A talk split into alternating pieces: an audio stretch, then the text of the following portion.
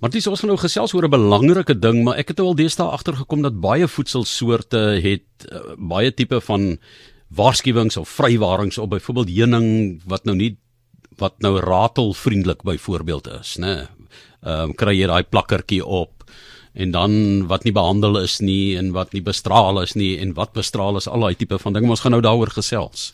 Inderdaad, ons vind meer uit oor hoekom dit gedoen word en is daar enige effek op jou as mens? En ons het daar gereeld saam met ons hier op 360 om vir ons ons voedselkwessies te beantwoord en ons kyk na die bestraling van voedsel vir veiligheid. Die eetkundige Irene Lebeskagni is by die Nikus Voeding Inligtingseentrum. Dit is by die afdeling menslike voeding, fakulteit geneeskunde en gesondheidswetenskappe en dit is by die Universiteit van Stellenbosch. Baie welkom. Baie dankie. So mense ken die woord irradiation. Jy sien dit Engels eh, op Engels gereeld gereeld, maar jy dink nie op jouself bestraling nie. Hoe baie mense weet ons kos word wel bestraal? Jy in jou praktyk, wat wat sien jy? Ek dink mense wat ingelig is en gereeld hulle etikette lees en gereeld lees oor voedselveiligheid, dan gaan jy waarskynlik weet wat bestraling van voedsel is. Dit is 'n ou praktyk wat al reeds 30 jaar nagevors word in, in die wêreld oor die veiligheid daarvan. So dis nie iets nuuts nie, maar te lees. So maar ja, daar is mense wat nie bewus is daarvan nie en dan kan ons vandag vir meer daarvan vertel. So wat is dit presies? Dit dit is basies van die wat die voedsel behandel word met kort elektromagnetiese strale. Hulle praat die strale wat die algemeen gebruik word is die gamma strale. Hierdie strale is korter as byvoorbeeld die strale wat 'n mikrogolf ehm um, vrygee as hy voedsel warm maak of kook. So dit is wanneer die voedsel diep binne gedring word met hierdie gamma strale en dit word dan primêr gedoen vir voedselveiligheid om die voedsel se veiligheid en raklewe te verbeter um, en veral vir mikroorganismes, insekte, inseklarwes in die voedsel, maar ook vir raklewe tyd byvoorbeeld as jy kyk na rouknoffel wat gereeld bestraal word in Suid-Afrika om te voorkom dat dit uitloop, asook aardappels um, kan ook so behandel word om te voorkom dat dit uitloop. Kom ons kyk gou vinnig, vinnig jy het 'n paar genoem nou daar 'n paar voorbeelde, maar watter kosse word alles bestraal? In Suid-Afrika word die is die, die drie voedselgroepe wat die voedsel vir die meeste bestraal word, ons kry in speserye.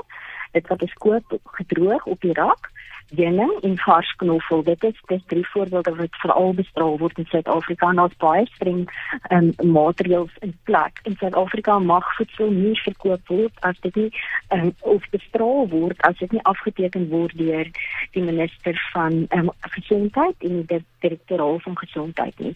En dit word ekstrem gereël uh, gereguleer deur ons voedselveiligheid um, um, prosedure. Wêreldwyd um, in Amerika word 'n vrou vark, die is minder bestraal vars groente en vrugte, speserye en kruie, heuning en ook soos ek genoem het knoffel en ehm um, spriete wat kan uitloop om om die raklewe daarvan te verdien. Maar Arin, wat is dan die redes of die voordele daarvan om voedsel te bestraal? Jy het nou verwys na 'n paar goedjies wat diep bestraal word, jy weet, en ek dink aan kruipende ja. goedjies wat kan uitbroei byvoorbeeld daar, maar uh, hoekom sou mense dit moet afteken?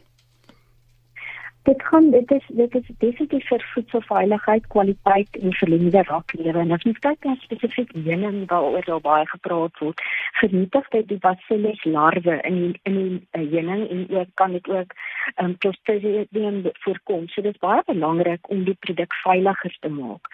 Ehm um, dit die groot primêre doel van bestraling is produkveiligheid vir die menslike gebruik om mikroorganismes insekte insekte larwes wat daar voorkom um, te inaktiveer en dan so 'n veilige meer steriele produk op die mark te hê. Dit word ook in die medisinale um, voedingsindustrie gebruik vir mense wat immuunonderdruk is. Bestraalde voedsel um, is baie veiliger vir hulle om byvoorbeeld in te neem. So dit dit hang af presies wat die doel is daarvan, maar die groot oorhoofse doel vir die wyeer publiek. Dit veiligheid, dit verbeterde produk en raklewe. Jy kan daarna kyk soos met pasteurisasie. Dit verander nie die voedingswaarde of die smaak van suiwel wat gepasteuriseer word nie, jy kry 'n baie veiliger produk in terme van voedselveiligheid. Ja, mens dink uh, uh, jy het dit nou al in die begin het jy dit um, opgehaal, maar mens dink as jy die woord bestraling sien, dan skrik jy eintlik en jy dink aan Kuiberg en jy dink aan ja. jy weet die Oekraïne en die Russe en jy weet daardie vorm van bestraling dat dit amper ja. jy weet gef, gevaarlik vir die mens kan wees, maar hier word dit onder ander omstandighede gedoen. Definitief op 'n baie veilige manier met baie kort strale, die gamma strale teen 'n lae frekwensie wat veilig is vir menslike gebruik. En as jy kyk na 'n mikrogolf byvoorbeeld, daar's ook die straling daarbey betrokke.